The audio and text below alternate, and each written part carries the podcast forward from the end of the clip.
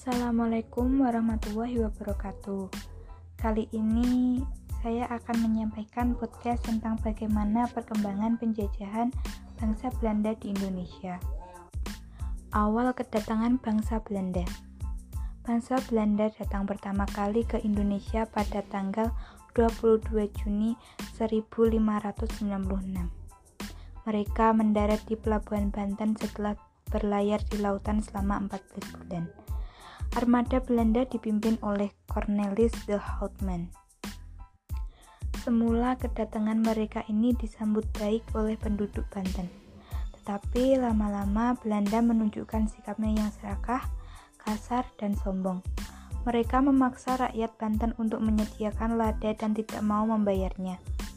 Hal ini yang menyebabkan rakyat Banten mengusirnya dan akhirnya dengan terpaksa Belanda harus menyingkir dari Banten.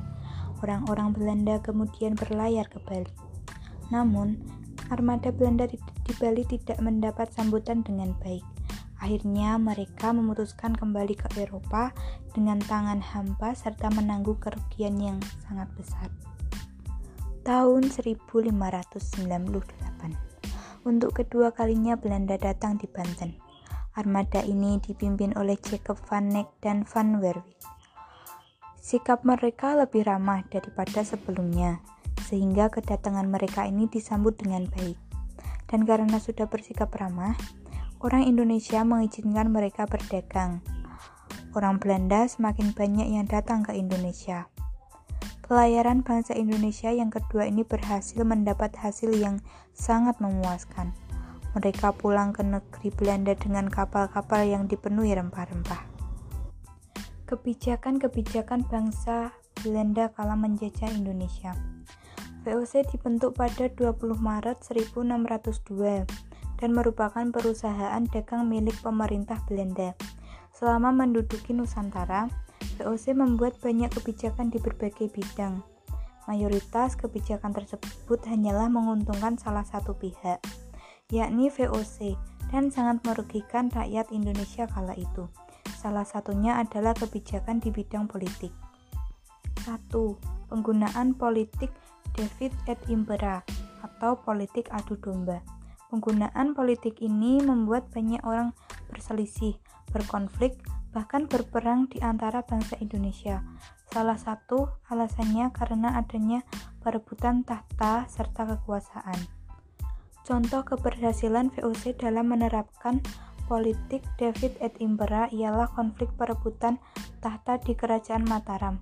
Konflik ini membuat posisi Belanda sangat diuntungkan, sedangkan posisi Kerajaan Mataram semakin melemah karena terbagi menjadi empat kerajaan. Contoh lainnya ialah Perang Makassar.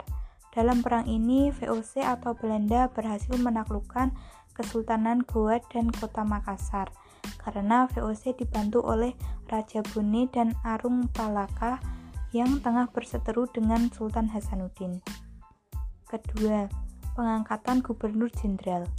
Salah satu tugas utama dari gubernur jenderal ialah mengatur dan menjalankan kongsi dagang di Hindia Belanda.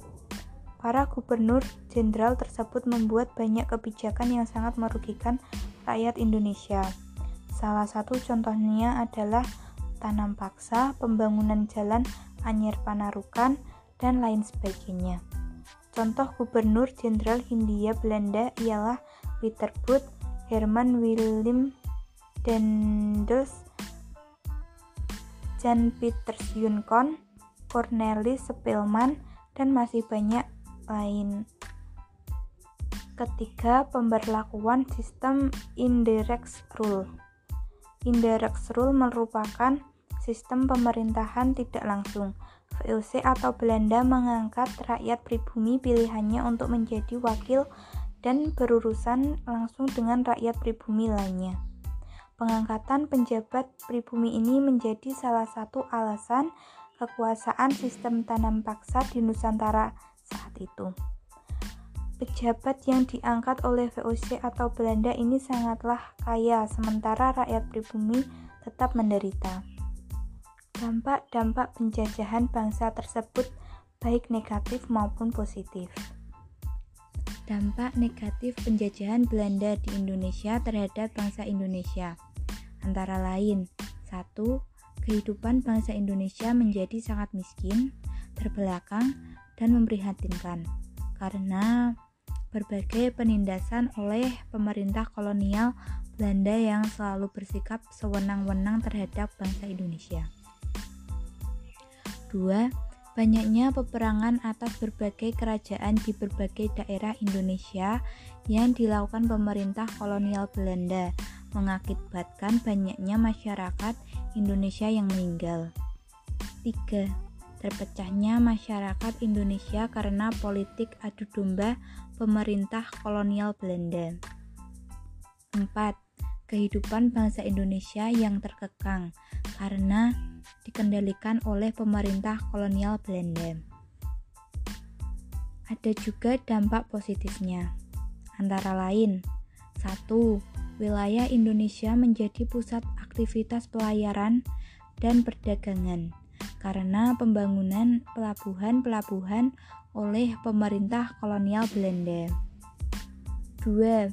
Banyaknya pusat-pusat aktivitas industri yang dibangun yang membutuhkan tenaga kerja sehingga berperan mengurangi angka pengangguran di Indonesia. 3.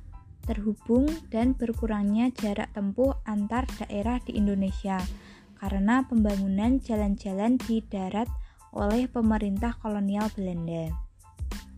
4. Bermunculannya kaum intelektual yang cerdas di antara masyarakat bangsa Indonesia yang berguna sebagai bibit-bibit pemimpin karena pembangunan berbagai sekolah serta program pengajaran yang dilaksanakan pemerintah kolonial Belanda.